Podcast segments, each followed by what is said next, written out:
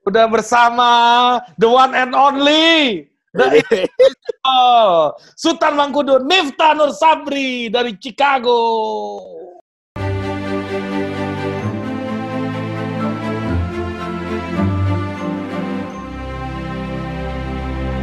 Gua nonton di Trevor Noah, katanya si Trump punya lapangan golf di sana katanya. Nah, gini, nah, Makanya nggak gua, bukan. Nah, karena apa? Gini bro, kalau gue lihat, gue nggak lihat itu. Itu lu lihat tanggalnya dulu. Gue akhirnya, kalau Noah, Noah itu Demokrat bro. Iya tahu Dosa. tahu. Ya. Jadi gue tuh, gue lihat aja. Jadi maksud gue gini loh, kalau kita nonton kayak kayak uh, late night show itu ya pasti ngebully Trump. Iya Udah. pasti. Dan itu udah enjoy dan maksud gue ya itu udah biasa aja. Itu Kalau- itu kayak stand up komedian sama Prabowo di Indonesia lah ya. Ah, iya, udah. ya, gitu, karena kan umumnya mereka liberal, iya kan? Iya, iya, Cuman iya. nanti ya mas tapi kalau lu lihat di eh, di apa Fox. namanya di media di di media konservatif misalnya ya lain lagi ya kan nah jadi gitu. jadi gue lihat ya. Nah oke gue lihat gimana caranya. Itu yang gue bilang. Sa dia akhirnya memilih karena ini negara yang terbuka. Eh, kalau narasinya di media konservatif gimana kebanyakan soal Jadi kalau di media gini, kalau di media konservatif ya udah Trump udah benar. Trump udah benar, dia melakukan langkah decisif, kepemimpinannya baik, responsif, dan Trump selalu mengulang-ulang, gua mengambil langkah dengan cepat menutup ini dari Cina. Kalau nggak gua tutup, mungkin ada jutaan yang mati. Gitu, gitu. Iya. Ya kan? Oke. Istilahnya kalau kalau kalau istilahnya itu kalau bercanda-bercanda orang sini, kalau orang-orang yang di kampung-kampung itu, yo Trump ini kayak Mesias, bro. Itu kalau yang yang Iya, iya, Amerika Amerika di red state itu yang dia wah itu Trump ini nggak ada Trump tuh Mesias bro dia Kayak love Trump Kayak mormon mormon gitu ya kali ya. Oh, pokoknya redneck redneck lah istilahnya itu ya kan Iya, heeh. nah jadi eh ya balik lagi cerita ya oke dia scientist terus oke gue lihat beda nih oke task force dibuat oleh Trump ada scientist ada national security advisor di situ ada orang keamanan di situ defense jadi orang keamanan terlibat orang kesehatan orang public health orang logistik misalnya nah ini task force jadi task force gedung putih. Nah yang menurut gua kenapa cara berpikir Trump berbeda tadi adalah karena dia itu out of the box karena nggak pernah pengalaman politik. Dia kreatif kreatif aja. Yang dia lakukan task force bekerja ngebrief ke dia dia yang ngambil keputusan untuk koordinasi dengan dengan negara bagian. Pokoknya gini dia pokoknya ini Mike Pence dulu Wapres dulu. Karena kan Trump kalau dia kena gubernur-gubernur bisa komplikasi kan ke dia orangnya kan Nah, begitu ini udah hampir halus, baru dia masuk. Baru dia nanti udah nanti pokoknya kalau beberapa kali kan itu yang disiarkan dia dengan gubernur, pasti moderatornya Mike Pence dulu tuh sama gubernur-gubernur yang Iya. almost Iya, demokrat. iya, iya, iya. Nah, baru terakhir Mr. Presiden. Oh, ya kan dia. Nah, terus yang kedua, eh, mak- maksud gua di kreatifnya itu yang istilah sebenarnya ya kita udah sering pakai juga. Mas gua sering pakai lah istilah ini ya. Cuman public private partnership. Siap, PPP. itu yang gue lihat juga hal yang wah ini belajar gue di sini. Dan mungkin kalau ini enggak Trump dia nggak kayak gitu caranya. Gue nggak gue nggak bisa bisa jadi gue salah tapi mungkin kalau Obama dia nggak gitu caranya. Mungkin Nggak, pengalamannya nggak, caranya politik kan. Ya, kongres apa tangan negara. Ya. jadi bos semua diundang. Nah karena Trump itu memang pengusaha semua teman-temannya dia undang ke ke task force. Hmm. Jadi Walmart Walgreens Walmart itu supermarket Or apa namanya oh, Kemarin Target. kemarin dia muji-muji GE ya. Ya pun enggak. Jadi gini bro. Jadi memang dipanggil semua bro. Iya, Dipa- dan semua nah maksud gua gini, gimana ya? Oh dia bawa ke dalam sistem. Kemudian eh apa namanya Roche, oh laboratory, oh teknologi, oh pokoknya jadi pertama yang dia undang itu adalah jadi tuh jadi dia ada bi- pokoknya dia dia dia paralelin semuanya gitu loh, Ri, maksud gua. Itu yang gua tangkap ya. Jadi yang kesehatan kerja itu leadnya adalah Fauci sama De- Deborah Briggs. Dia respectable, siapa pun dokter-dokter, profesor, kampus, lab, perusahaan kalau ada nama dua ini ah, lu lihat bahkan di media-media liberal, pokoknya udahlah kita nggak usah dengar Trump, denger dulu Fauci aja katanya. Kan emang gitu, karena nggak bisa. Siapa coba mau bantah? Gitu loh maksud Iya, gua. iya. Ya, Itu emang gua tuh, itu media juga pusing buat framing gimana framingnya Fauci nih kan. Lu kalau mau hantam nanti salah lu udah anggap lu. Iya kan? Pokoknya Iya. Mungkin Fauci aja. Nah, Tapi Fauci juga dia gini, ketika Trump Hmm. baru ketika Trump udah ngumumin oh hidroksikloroquine itu, Fauci kan sempat nolak awalnya. Dia dia nggak, tapi dia nolak itu saintifik. Saya belum bisa judgement. Tapi memang ada. Nah, saya dia bilang presiden tol itu presiden buat decision dia bilang. Tapi memang ada data yang mulai masuk orang-orang yang sakit dikasih itu ada yang sehat. Cuman per, per kemarin begitu datanya udah lengkap dia udah umumin, oh, dia udah rapat. Nah FDA udah turun tangan, FDA langkah lakukan lagi serangkaian level satu dua tiga empat. Nah cuman kan Trump instinktif bro, dia politisi. Dia dulu itu proses itu. Hmm. Menurut gua ya, gua yang gua tangkap dia duluin udah. Dia hajar aja dengan masukan dari FDA, dengan masukan dari dia ya, rapat di task force itu dia duluin tuh hidro, apa hidroksikloroquine itu kan. Nah, balik lagi menurut gua oke. Dia balik lagi dia libatkan swasta. Jadi wah, Walmart, CV, apa CVS semua tuh pokoknya bro. Dia bilang pokoknya tenang. Nah di sini gue lihat eh, oke. Dia berpikir gue masuk akal juga dia presiden. Kalau dia larut dari sekedar mempertimbangkan eh, ansih sisi medicalnya, mungkin dia ya goncang juga dia kan dia Ya. mau re-election second term. Ya. Sehingga dalam pandangan dia nggak bisa enggak. Gue harus ajak.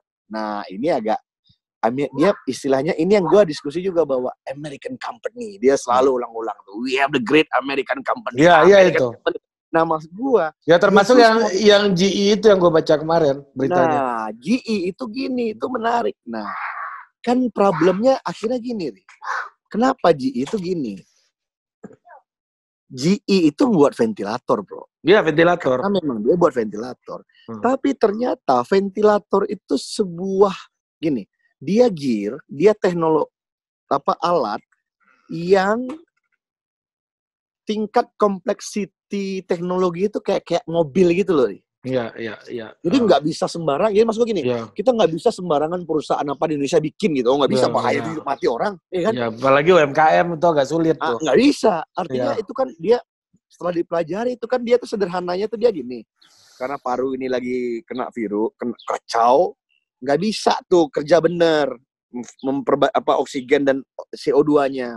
Sehingga si ventilator inilah di paru istilahnya mengganti sementara barang yang sakit ini. Kan itu tuh organ istilahnya membantu kerja napas. Nah, yang sederhananya dari yang gue baca dari media analisa itu gini itu mesti company-company yang memang udah sertifikasinya tuh kelas otomotif industri gitu bro. Hmm, oke. Jadi makanya perusahaan-perusahaan mobil yang bisa bikin itu.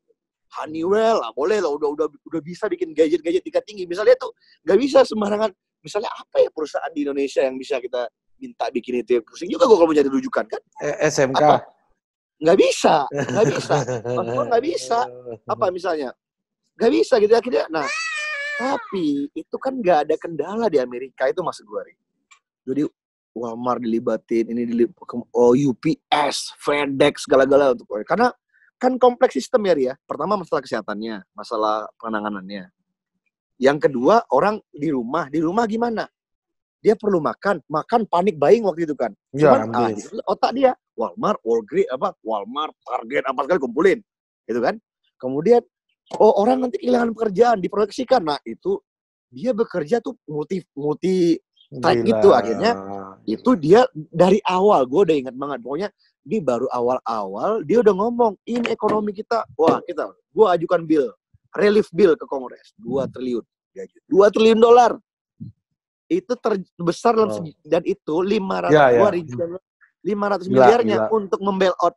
Belum bukan membail out buyback. Lucu nih buyback saham bro. Lucu juga dia. Mas gue itu itu kan kontroversi lagi didebat juga sekarang. Jadi tuh dia dengan pengalaman dia bilang gini udahlah ini ekonomi nanti jatuh. Cuma akan naik lagi dia bilang. Di mana-mana setelah krisis pasti ekonomi naik. Dan masalahnya sekarang saham-saham daripada American company yang terdampak ini wah Pasti jatuh. Iya. jatuh kita beli aja dia bilang Iya. oh, ini maksud gua kan itu Iya. Keren ya. Keren ya. ya. maksud gua, ya itu kalau dia orang dia maksud gua kalau nggak dia nggak pengalaman lapangan itu kayak, kayak Pak JK mikir gitu loh Iya iya iya iya ngerti ngerti kan ngerti. susah ya maksud gua. oh, Iya. iya, oh iya iya oh itu dihajar bro dia dihajar nah John dihajar di kongres wah lucu tuh nah itu tuh tiga minggu yang lalu nih. nah gue udah mulai zoom in ke kongres dihajar di kongres di media demokrat di media liberal dihajar lagi karena gini dianggap Jadi Moral- kalau nggak salah gue 500 miliar itu buyback, baru kira-kira 200 kesehatan nanti. Nah di situ ada cash transfer. Itu gila tuh cash transfer. Dia Yo, cash yo, transfer. yo. Andrew Jadi- yo. Jadi langsung Ya. cash transfer ke se- ke semua yang kehilangan pokoknya perusahaan-perusahaan yang bayar yang karena corona restoran apa gitu gitu lah pokoknya yang gara-gara corona ini dia nggak bisa gaji Karyawan. eh, karyawannya gajinya dibayarin. Wah, selama tiga bulan dua bulan. Yang sakit free. Nah cuman mas yang sakit free kemudian kemudian nah penyakitnya Amerika kan asuransi bro. Apa apa lu kok nggak ada asuransi mampus lu di sini kan? Wah itu Trump kumpulin lagi ke White- Oval Office. Nah itu bos-bos asuransi gue udah kebayang deh gaya Trump lah. Itu udah gaya gaya Trump lah udah. Dia itu kan teman-temannya cuman dia gugah dia gugah dengan gayanya dia pokoknya nah akhirnya tuh asuransi company itu kan be- bebasin kan. Bebasin orang yang kena corona dari tesnya dari apanya dari apanya. Eh, walaupun dia nggak pernah bayar eh, pokoknya tuh eh, istilah itu kopenya free tesnya free apa gitu. Sebelum waktu itu dia approve budget yang di kongres kan. Jadi nah tapi di situ gue lihat ah mulai gue lihat media liberal agak hati-hati Hmm. gue lihat. Kenapa? Nah itu day by day, weekly by weekly. Lu harus ingat bahwa di sebelum pandemi diumumkan WHO, Trump habis selesai di impeach Ya, ah, sama Kongres. sama Kongres. Jadi tuh Iya. pokoknya politiknya tuh pokoknya walaupun gagal impeachmentnya, gagal impeachmentnya, dia Hmm. menang sehingga tuh masih panas politiknya. Demokrat masih agak di atas angin karena tuh persiapan mau hantam re-election Hmm. 2020 kan. Iya. Tapi pasca relief itu, Ri, itu gua lihat, itu gua nyadarin. Kalau lu ngamatin media Amerika tuh agak hati-hati. Karena takut, Ri. Kenapa? Salah dibenci publik. Iya, iya. Demokrat jadi dibenci publik. Iya. Ko- Oh, Trump bilang, itu lu lihat tuh. Wah, gaya itu kan gila tuh. Itu Iya, pokoknya iya. show-nya gila. Iya, Show-nya di politik Jago dia, jago dia. Oh, itu si apa namanya? Oh, pimpinan Kongres eh, majo- apa minority dan majority-nya Republikan itu, wah dia, eh lu perhatikan ini gak ada sekarang nih partai-partai katanya. Bipartisan apa namanya semangat bipartisan harus kita maju dalam menghadapi ini. Lu bayangkan masih ada yang mikir gini-gini untuk kita mau ngasih duit untuk cash transfer dia halang-halangi. Wah, gitu bro. Pusing. Di situ gue lihat Demokrat mulai hati-hati. Nah, untuk ngeceknya ternyata feeling gue benar. Gue periksa lah tuh Ri. Gallup, Pew Research, itu kan dia rutin. Ya. Jadi, pasca, pokoknya Trump itu nggak pernah reach 40. Pokoknya approval ratingnya persi lembaga Se- se- sebelum sebelum pandemi ya. sebelum pandemi. Ya. Dan waktu ini, waktu apa namanya, waktu impeachment itu pokoknya terendah lah. Karena kan gini loh, pertama lu bayangin masyarakat terbelah. Demokrat udah lah nih, Dem- Trump udah kacau aja udah ngerti kan bagi orang Demokrat. Hmm. Bagi Republik, aduh ini kalau bisa kayak gini, gitu kan ya. Bagi Independen, wah percaya juga dia kan. Wah kacau juga nih Trump nih, kacau nih ya kan, udah impeach kan. Ya. Jadi itu rendah. Tapi perlahan tapi pasti Ri. Bagaimana dia menangani ini, cara dia bicara ngadapin pers itu kan langsung dan itu kan nggak pernah. Ya, ya. Mas gua selama ini orang nggak melihat aksi politik Trump yang daily basis. Berita diolah lagi oleh media, medianya ada ada ideologinya. Di, kita membahas cerita versi. Kok ini kan langsung? Gimana dia ngadapin oh, wartawan di Rose Garden, gimana dia ngadapin pokoknya CNN eh CNN lu nih udah fake news. Gimana? Dia bilang eh gua ngomong ini kemarin dia bilang. Lu tulis kayak gini gimana media orang kan percaya sama lu? Dia oh dia ajar smash lagi Iya, ini, kan iya. terus lama-lama tuh nah eh bener nih naik approval ratingnya nih jadi versi Gallup aja dia udah 49 udahlah maksud gua nih dia New York Times bilang kemarin ini kapan Trump akan sampai 50 dan menurut gua sih plus minus error udah 50 approval ratingnya Iya, belum iya. pernah Trump mencapai mencapai approval rating setinggi ini Hmm. dalam sejarah politik dia apa, di, di memegang office. Bagi Tapi men, bagi menurut Trump ble- blessing in disguise juga ya. blessing in disguise. Karena justru kegenuinan dia, gayanya dia tuh Iya, kayak orang iya. jadi lihat kan. Ya, heeh. Tapi setelah tadinya gue pikir oh untung. Tapi gue pikir-pikir gini Re. Whoever the president Amerika is, Re. Once lu mimpin krisis, lu punya alatnya. ya, ya, ya, ya, Eh, ya. gini loh, Ri. Oh, ya, Lu ya. punya alatnya. Ya, lu tinggal pakai. Lu punya tiga, oke, National Guard gua arahin. Iya. Nah, lucu.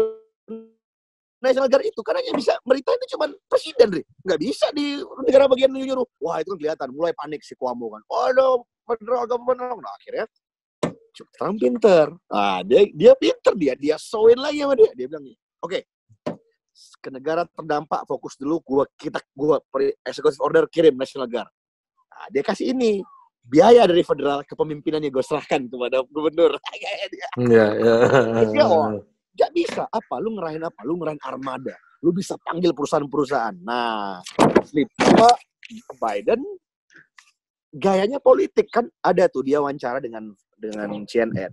Karena memang dia orang politik lah. Ya. Dia bilang, kalau Anda jadi presiden apa eh, solusi Anda? Dia suka ngomong gini. Iya, saya kan dari dua minggu lalu saya bilang aktifkan Defense Production Act, Act katanya. Kan ada namanya Defense Production Act. Egg ya. Ah. Jadi apa Defense Production Act itu adalah presiden bisa mengeluarkan Mengeluarkan act untuk memerintahkan perusahaan-perusahaan Amerika menghentikan sementara produksinya, merubahnya menjadi jadi alat-alat kebutuhan perang. perang. Hmm. Tapi kalau negara dalam keadaan perang, Perang. Ini nggak Nah. perang.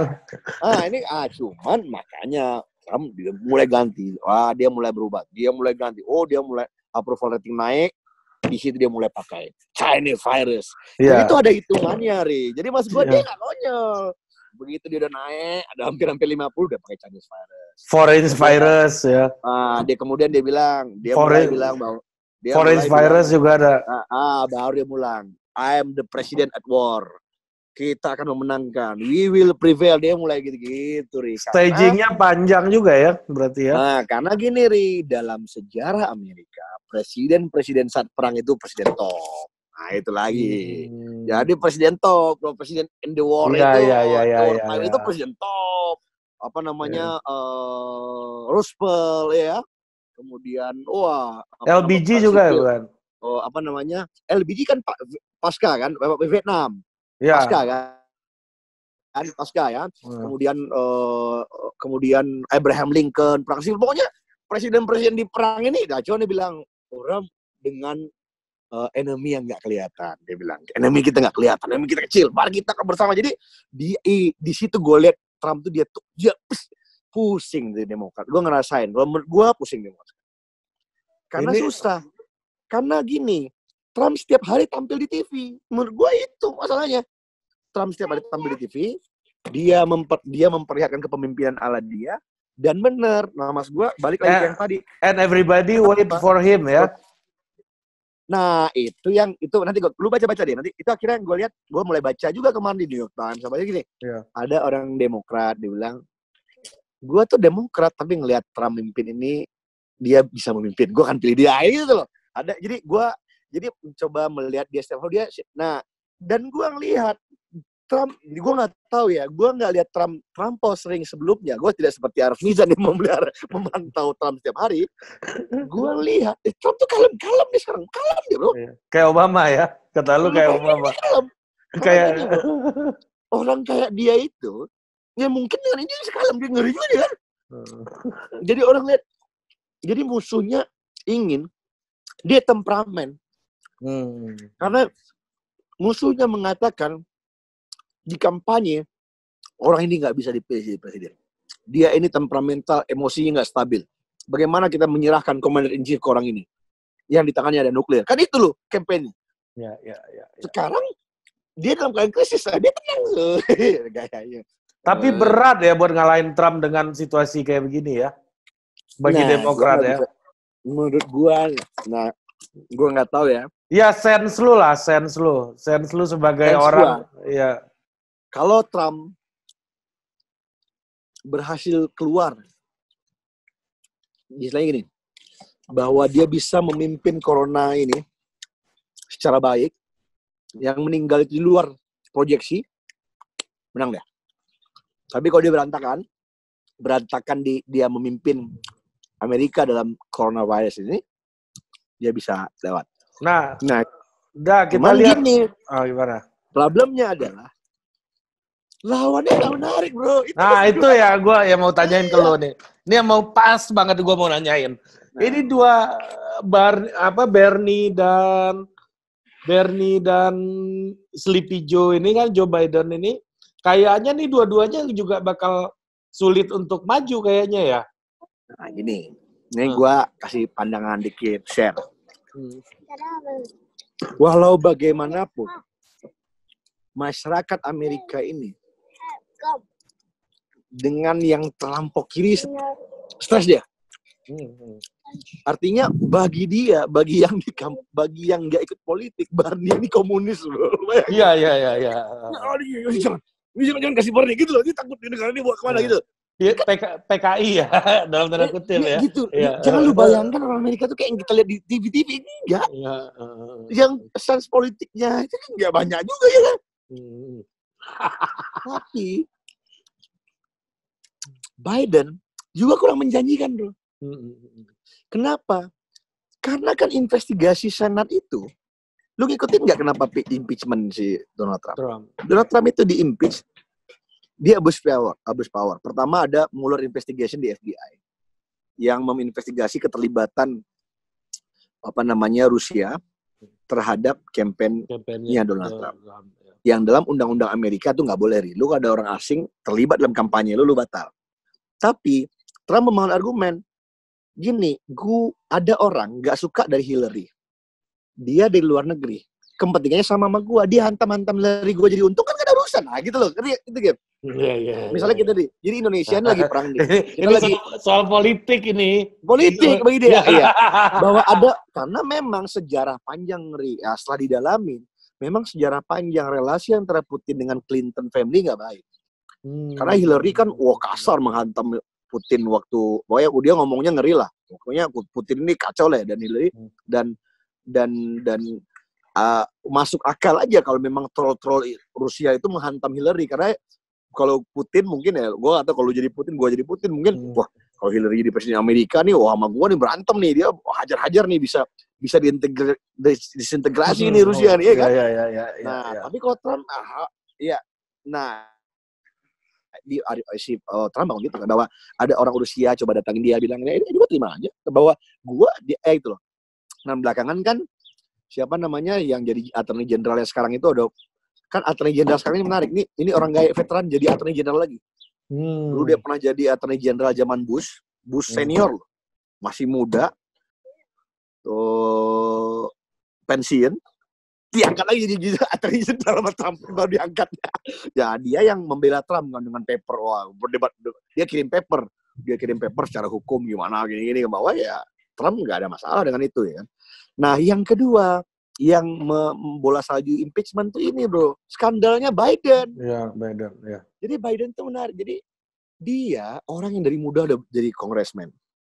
Tapi seiring pertumbuhan karir politiknya, semua sanak familinya mendapat keuntungan, Ri. Iya. Bendahara kampanyenya adik jadi adiknya dia. Ketua kampanyenya keluarganya dia gitu bro. Nah, Kayak di Indonesia ya.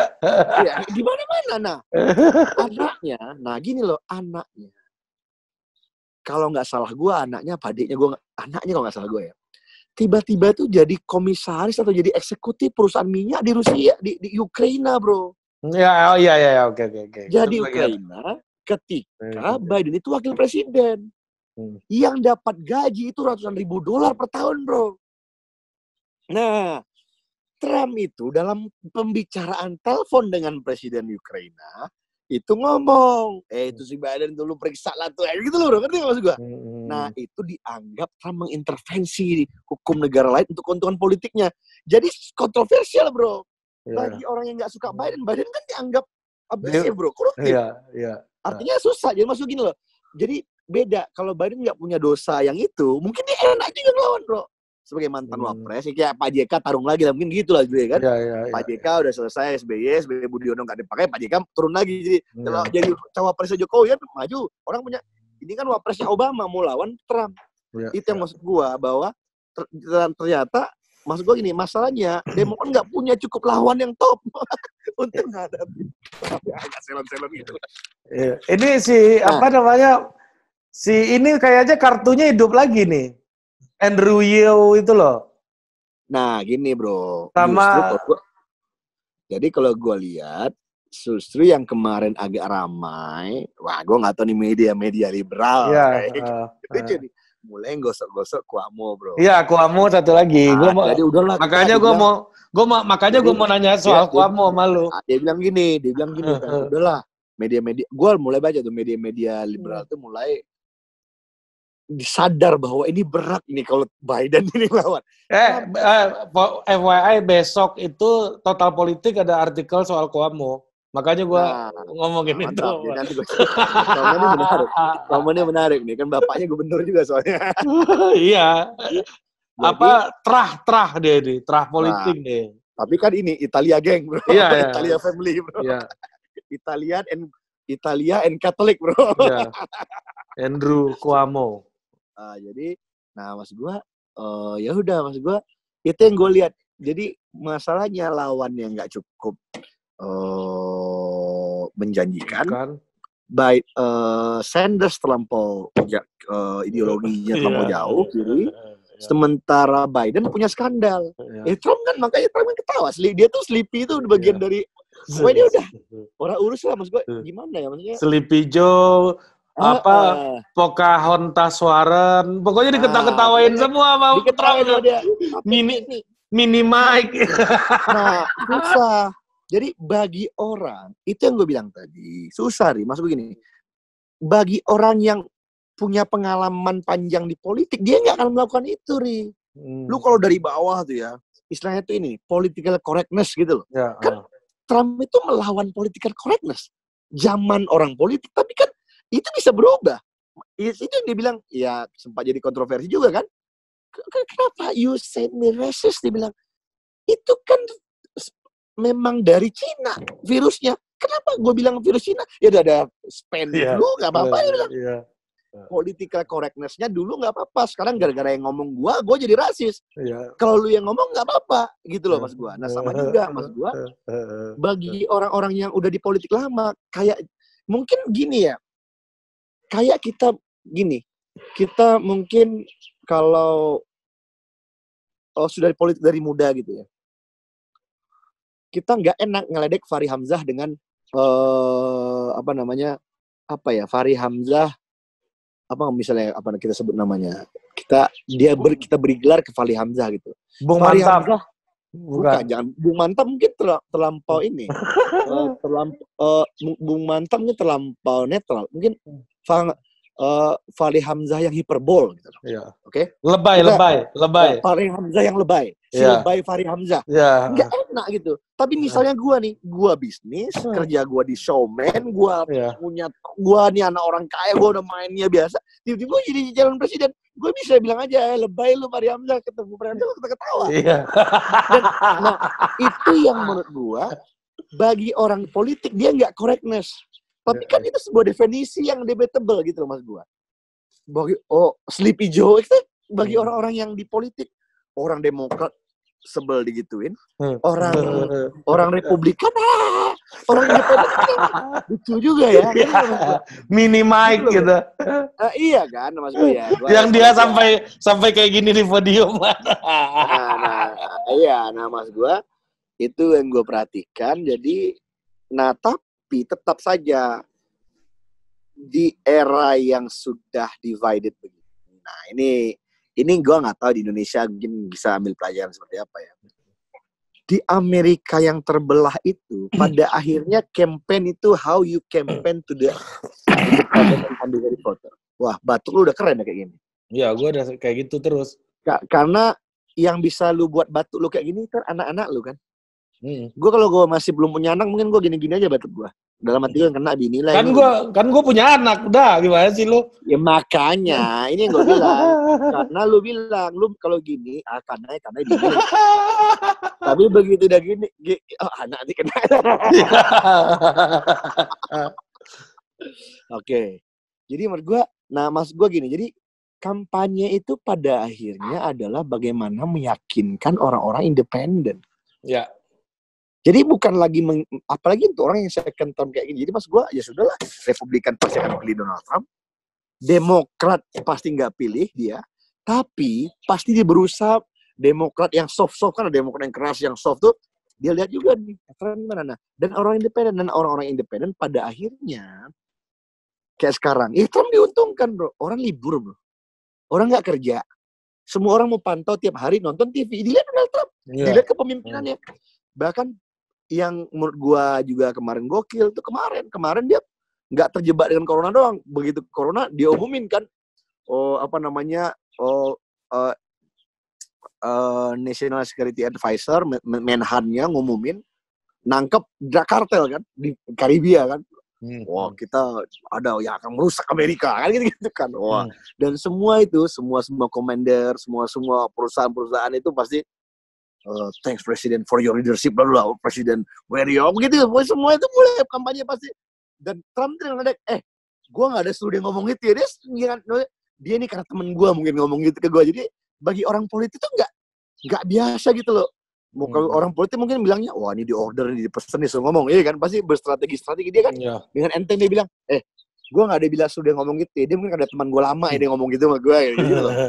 nah tapi kan bagi orang-orang independen itu kan boleh juga nih Trump boleh nah orang lagi nunggu nih jadi menurut gue kayak kemarin dibully lagi dia kan dia ngomong minggu kemarin dia bilang ketika disuruh melockdown nah, orang liberal kan nyuruh sama kayak Indonesia aja isunya Iya, iya, iya. nah, tapi terbalik kalau di kita tuh gue perhatikan tuh orang-orang yang dulunya 02 banyak nyuruh lockdown Iya. Nah, di sini kebalik. Di sini tuh orang-orang liberal nyuruh lockdown. Iya. Tapi si Trump, ah, jawabannya tuh agak beda. Dia, mas gue, ya mungkin setiap orang beda-beda. Menurut gue dia bilang ini, negara ini diciptakan bukan untuk di lockdown gitu. Iya. We build the country for no making lockdown katanya. Jadi bilang, oke. Jadi dia bilang dihajar dia gini bro. Jadi dua minggu lalu dia bilang, gue yakin kita akan keluar dari ini. America will prevail. Our resilient. Kita semua warrior. Dia bilang, kita akan open di Easter. Wah di Paskah. Dibully dia bro. Wah. Nah, si liberal-liberal media bro hajar bro. Pokoknya hajar dia. Cari ahli-ahli dari Harvard, MIT, mana mau John Hopkins. Mungkin enggak. Iya nggak mungkin. Maksud gue gini, kalau orang pakai data itu kan mungkin di itu yang kalau perhatikan dihantam lagi sama si CNN di luar pertanyaan di gedung putih. Cuman maksud gue dasar gini loh. Itu kayak gimana ya? Dia, dia tetap izinin juga kan. Dia juga orang gedung putih datang ke gedung putih. Uh, White House, uh, CNN kan dia bilang Iya. jawabnya gini dia bilang. Itu kan jawaban gua per kemarin dia bilang. Gua memang ya kita berharap Easter, tapi kita lihat juga ada ada gitu kan keadaan ya mas ya tapi gua ngerti dia sedang bicara itu dengan orang-orang tengah menurut gua. Eh menurut gua dia sedang ya gua nggak tahu ya pastilah dia mikirin politik nggak mungkin nggak kan. Cuman menurut gua eh lagi kena si malakama Demokrat sekarang. Demokrat kalau lu tanya kesimpulan diskusi kita, Trump dapat angin. Produced by Total Politik and powered by haluan.co.